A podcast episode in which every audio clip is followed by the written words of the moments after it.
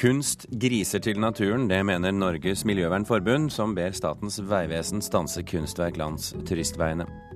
Bokdebutanter overses i norske medier, mener kritikerlaget. Debutantene har ikke krav på å bli anmeldt fordi de gir ut en bok, svarer kulturredaktør. Og Carl Ove Knausgårds essay i New York Times splitter leserne i USA. Du hører på Kulturnytt med Birger Kolsrud Jåsund i studio. Kunst har ingenting i naturen å gjøre, det mener leder for Norges Miljøvernforbund, Kurt Oddekalv. I et brev ber han Samferdselsdepartementet stanse byggingen av en marmorsøyle langs Atlanterhavsveien. Blant folk i Eide kommune i Møre og Romsdal har også skepsisen vært stor. Jeg syns det skjemmer ut hele naturen, syns jeg. Altså, jeg kjenner steinfolket på Eide, og de sier at marmor fra Italia det er vekkasta penger.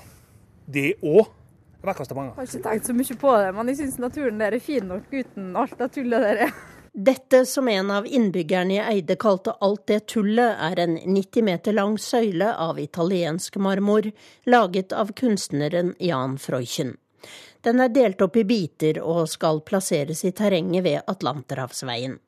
Statens vegvesen skal utvikle attraksjoner ved 18 nasjonale turistveier forskjellige steder i Norge. Grete Kongshaug er ansvarlig for prosjektet langs Atlanterhavsveien, nevnt blant våre aller vakreste veier. Vårt arbeid er å utvikle alle de 18 nasjonale turistveiene i Norge til en større attraksjon. Og I det så er kjennemerket og særpreget kunst og arkitektur av internasjonal klasse.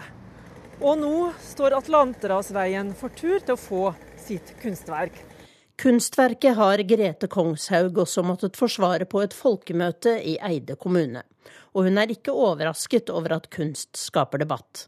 Dette kunstverket er tolket som en klassisk søyle som har veltet og delt seg, som undersjøiske ledninger, en mystisk sjøorm eller nedslitte ryggvirvler etter en strandet hval. Dette er et spennende kunstverk som legger til rette for mange assosiasjoner. Den transatlantiske søyle, som da skal plasseres ved en allerede etablert kyststi. Ja, Det sa Grete Kongshaug i Nasjonale turistveier. Reporter her, det var Tone Staude. Kurt Oddekalv, leder i Norges Miljøvernforbund, eh, med oss i studio i Bergen. Hvorfor mener du at disse kunstverkene i naturen må stanses? Nei, Det er for det første fordi at naturen i seg selv er uerstattelig i den form man har. Og uh, du kan si at Atlanterhavsveien, Hvis det først en vei skal være vakker, så er Atlanterhavsveien vakker nok sånn som den er. Han viser naturen og speiler naturen. Og han er bygget på en arkitektonisk måte som gjør at uh, han framhever naturen istedenfor å på en måte knuse den sånn som man ellers opplever med veimonumenter. Jeg eh, hadde et sted på Senja jeg, som jeg pleide å reise til for å vise folk eh, okstinnene på yt yttersida av Senja. Plutselig kom det en dag, så var det en svær betongkonstruksjon med den dyreste dassen i Norge.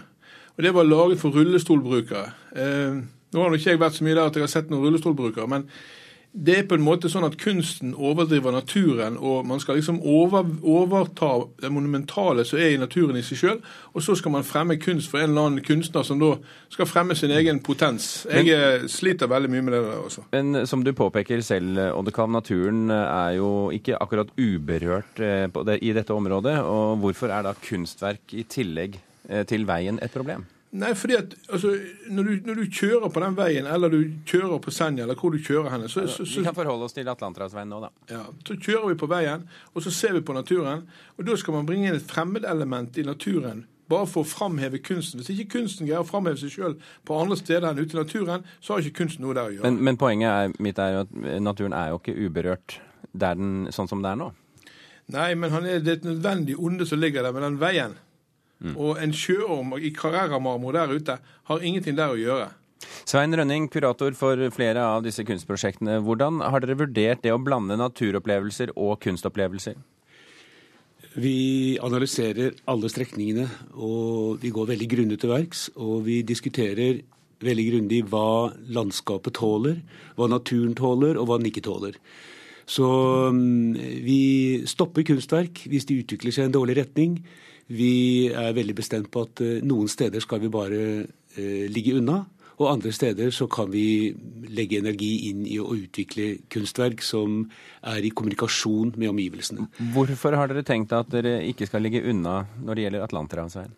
Her er det natur nok, pluss at den naturen som er der, er jo veldig sterkt preget av broene. Så det er brukt ganske mye muskelkraft for å skape forbindelse mellom eh, de forskjellige øyene utover i havgapet. Men hva tenker du om den motstanden mot dette kunstprosjektet? Ikke bare Oddekalv, men også den vi hørte i reportasjen her. Den motstanden den er veldig overdrevet. Altså, vi hadde et folkemøte i Eide kommune hvor vi presenterte dette prosjektet her. Og registrerte jo at det var motstand. Men i løpet av dette møtet så var det mange som reiste seg og sa jeg har vært imot, men nå er jeg for. Og, men det er én person som eh, da aldri gir seg, og jeg regner med at det er oppdragsgiveren til Odd, Kurt Oddekalv her. Hva mener du med det? Nei, jeg sier det jeg sier. Og det er, eh, det er veldig redusert. Unnskyld. Det veldig- Men, men, veldig- la, la Rønning få snakke ferdig. Det er en oppblåst situasjon, det at eh, det skal være så veldig stor motstand mot dette her. Det er, lov, det er lov, men, men det hva, er et hva mener du, det eh, Rønning, når du er- sier oppdragsgiveren til det Oddekalv? det er et lovlig valgt eh, prosjekt. Altså Eide kommune har, har akseptert å ta imot det. Og vi har også vært i dialog med fylkeskonservatoren. Men, og men han Rønning, har jeg er vært litt han har- nysgjerrig, jeg er nysgjerrig på det du sa, at, du, eh, at det var oppdragsgiveren til Oddekalv. Hva, hva mener du med det?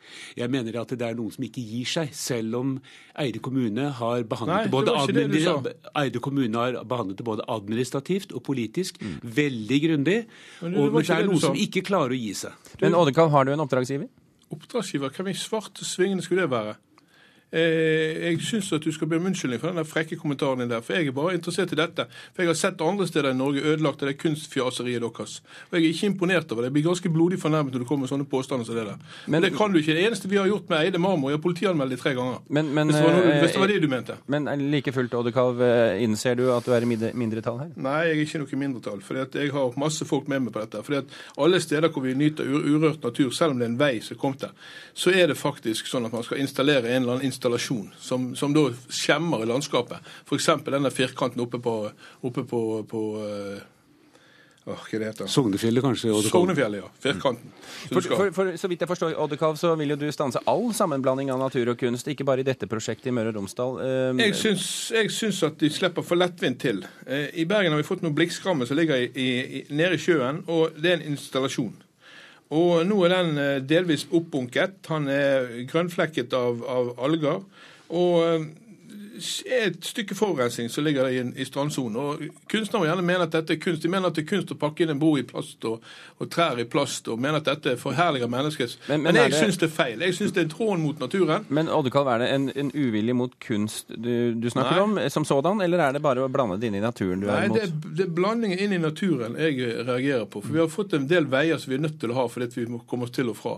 Og når man da skal på det mest, på det mest flotteste utkikksposten skal blande inn et kunstverk for å framheve en eller annen kunstner, som da ofte er veldig lite praktisk, har ingen praktisk betydning mange steder, okay. så syns jeg at dette er ganske, ganske eh, For det første så er det overdrevet, og for det andre så, så er det, stjeler man oppmerksomhet fra naturen. rett og slett. Svein Rønning, dere tar jo kritikken mot uh, kunstverkene med en klype salt, uh, virker det som. Gjør dere det fordi at dere antar at de blir populære på sikt? Nei, vi tar ikke kritikken med en klype salt. Vi vurderer den veldig grundig. Og vi er, eh, det, dette er en kontinuerlig diskusjon i Nasjonale turistveier. Hva tåler landskapet, hva tåler det ikke? Og det er ikke noe vi legger til side som et ferdig debattert tema. Det blir sikkert ikke ferdig debattert etter denne sendingen heller. Vi eh, får gå videre med Kulturnytt. Svein Rønning eh, og eh, Kurt Oddekalv, tusen hjertelig takk for at dere var med i Kulturnytt.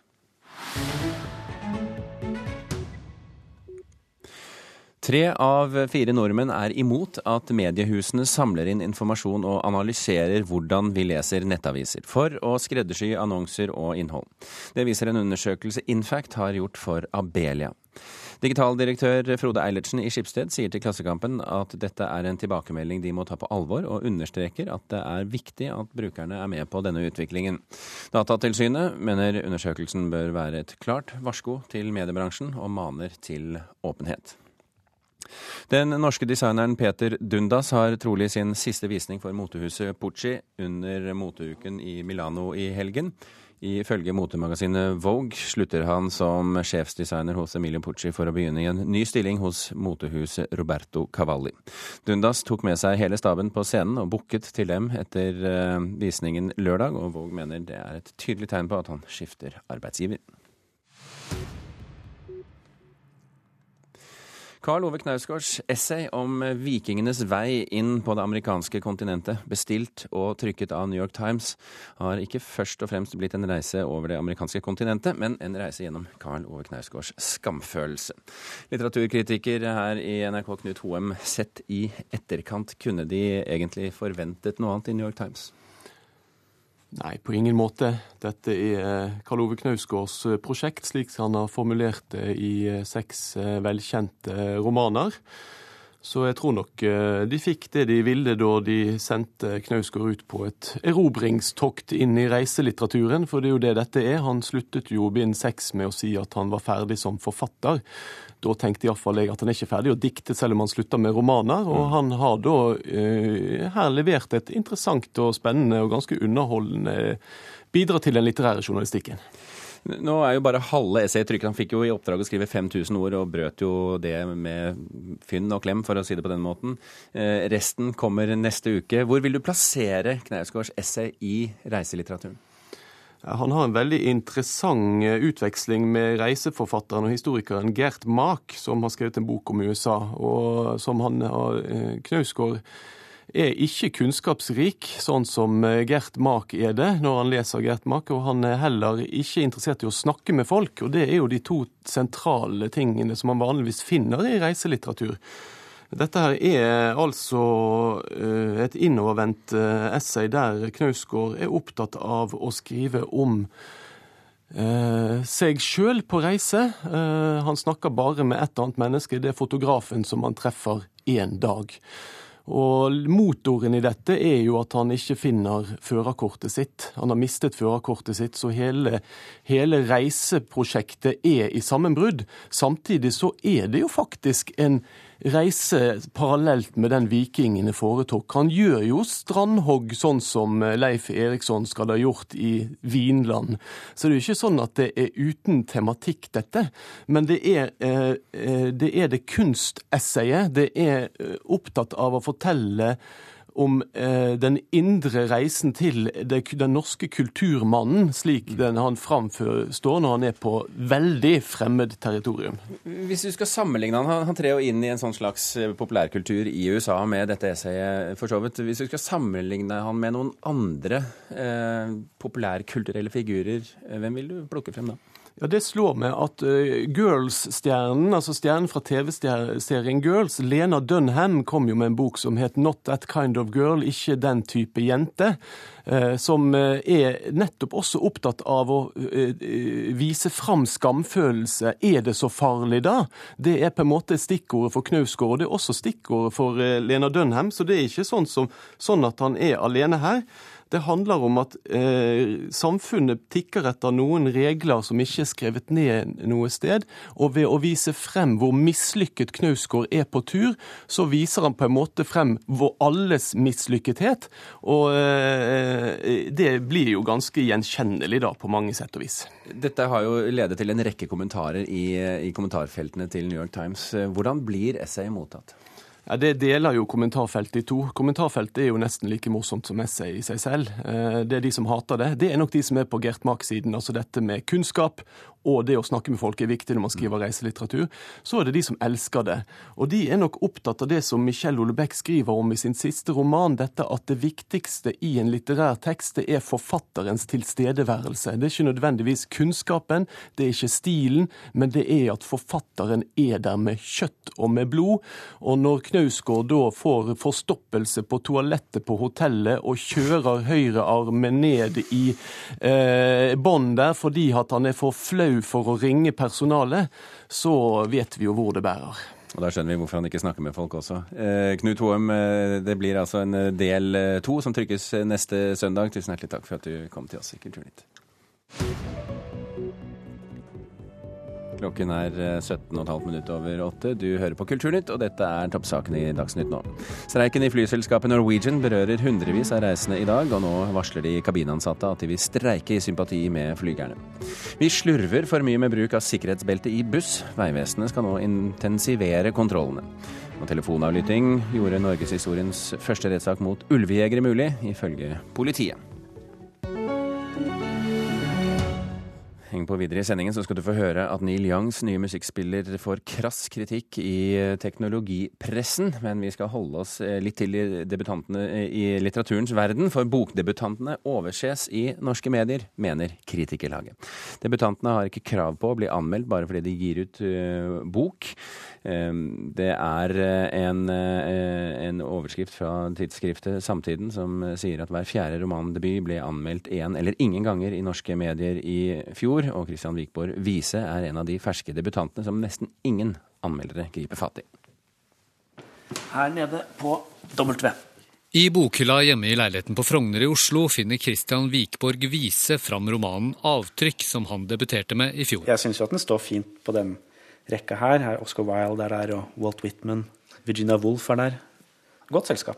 Men der norske bokanmeldere ville kastet seg over nye verk fra Wild, Whitman og Wolf, er det ikke like lett å få oppmerksomhet som fersk forfatter. Jeg fikk én anmeldelse så langt, som var helt ålreit.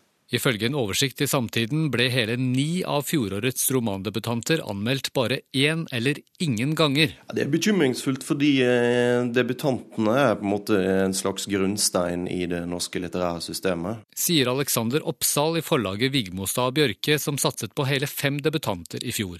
Tre av dem ble anmeldt kun én gang. Er det særlig viktig for debutanter å bli anmeldt? Ja, definitivt. Det der med å eh, skrive eh, og jobbe så sterkt, særlig med debuten, og så bli møtt med en rungende taushet, det er veldig knusende for mange debutanter.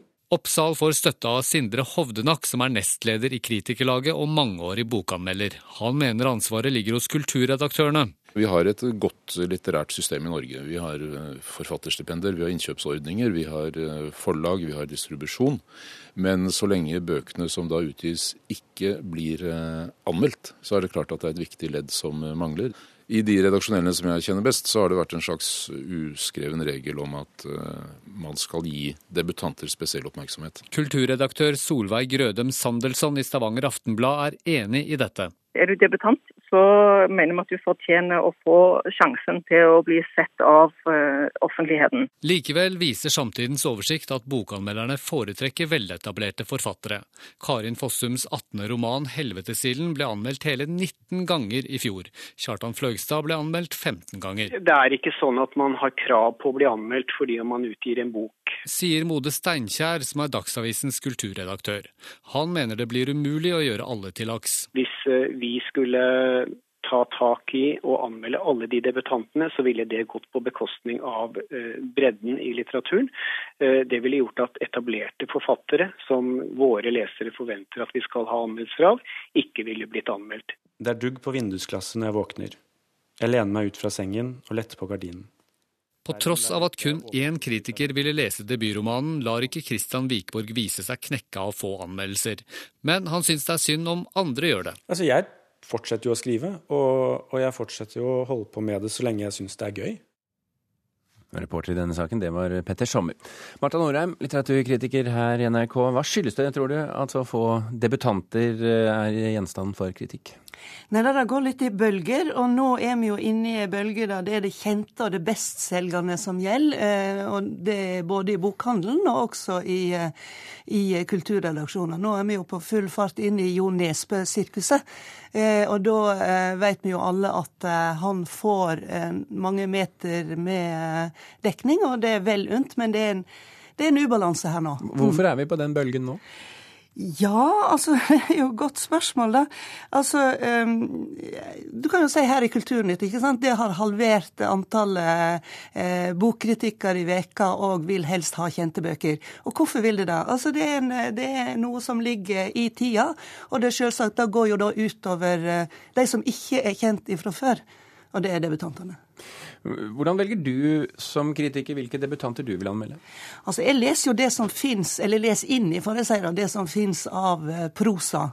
Eh, men så, så, jeg har for så vidt en god oversikt. Betyr det at du leser alle debutantene? Jeg leser inn i alle debutantene. Hva, hva, hva betyr det å lese inn i?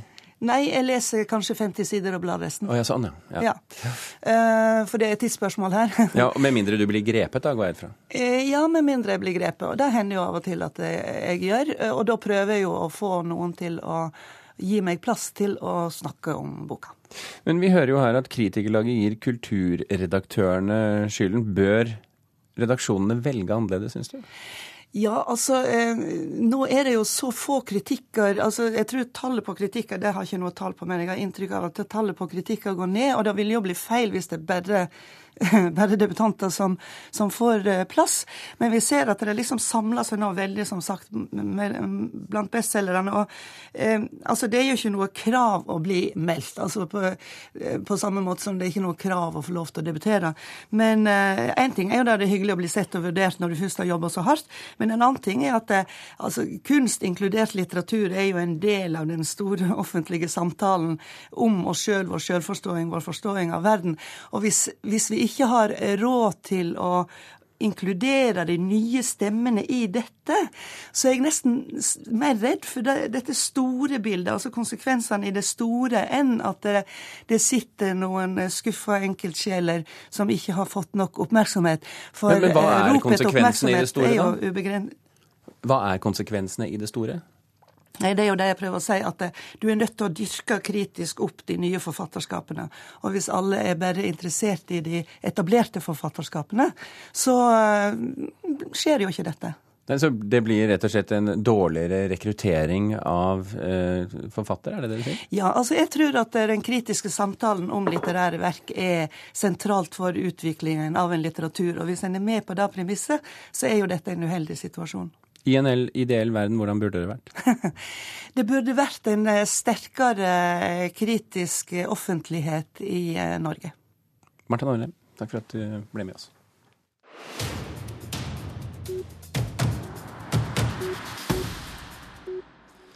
Da Neil Young ble lei av å høre musikk med dårlig lyd, og ut, så utviklet han like godt sin egen musikkspiller digitalt med digital musikk. Nå har eh, Pono vært på markedet i noen uker. Mottagelsen har vært mest preget av krasse kritikker. I want to bring back real music. Pono means righteous. Pono is the one, the whole. It's a Hawaiian word. Neil Young har et kall og en forretningsidé å få deg til å slutte å høre musikk på MP3-filer og strømmetjenester, og heller kjøpe den nye musikkspilleren Pono, som han sjøl har fått utvikla. So Derfor har han lagt en video på nettet hvor han kjører rundt i Cadillacen sin og demonstrerer musikkspilleren for vennene sine, f.eks. For, for Nora Jones. That music made me feel good. Much better than I felt in a long time listening to music. Pono likner en Toblerone-sjokolade, og poenget er at den kan spille musikk med langt høyere oppløsning enn f.eks. en iPod. Nå har han vært i sal i noen uker, men utenfor Neil Young sin venekrins har mottakinga mildt sagt vært lunken. I couldn't hear any difference. Sier David Pogue, redaktør for teknologinettstaden Yahoo Tech og en av de mest profilerte teknologijournalistene i USA. That's why I assembled uh, a panel of volunteers da han ikke kunne høre forskjell på Neil Young sin nye spiller og musikk spilt fra mobiltelefonen sin, arrangerte han en blindtest. People actually preferred the sound of the phone basically two to one over the sound of the i testen var det langt fra alle som kunne skylde mellom musikk spilt på en Pono og på en iPhone. Og av de som klarte det, var det faktisk flest som likte lyden av en iPhone best. Pogue konkluderte derfor, som mange andre kritikere har gjort, med at denne spilleren ikke er noe for vanlige folk med vanlige ører. Well, if, if we're saying that, as Pono does, that anyone can hear the difference, I think I've shown clearly that anyone cannot hear the difference. I, I know they mean well. I just I don't believe this one is for the masses.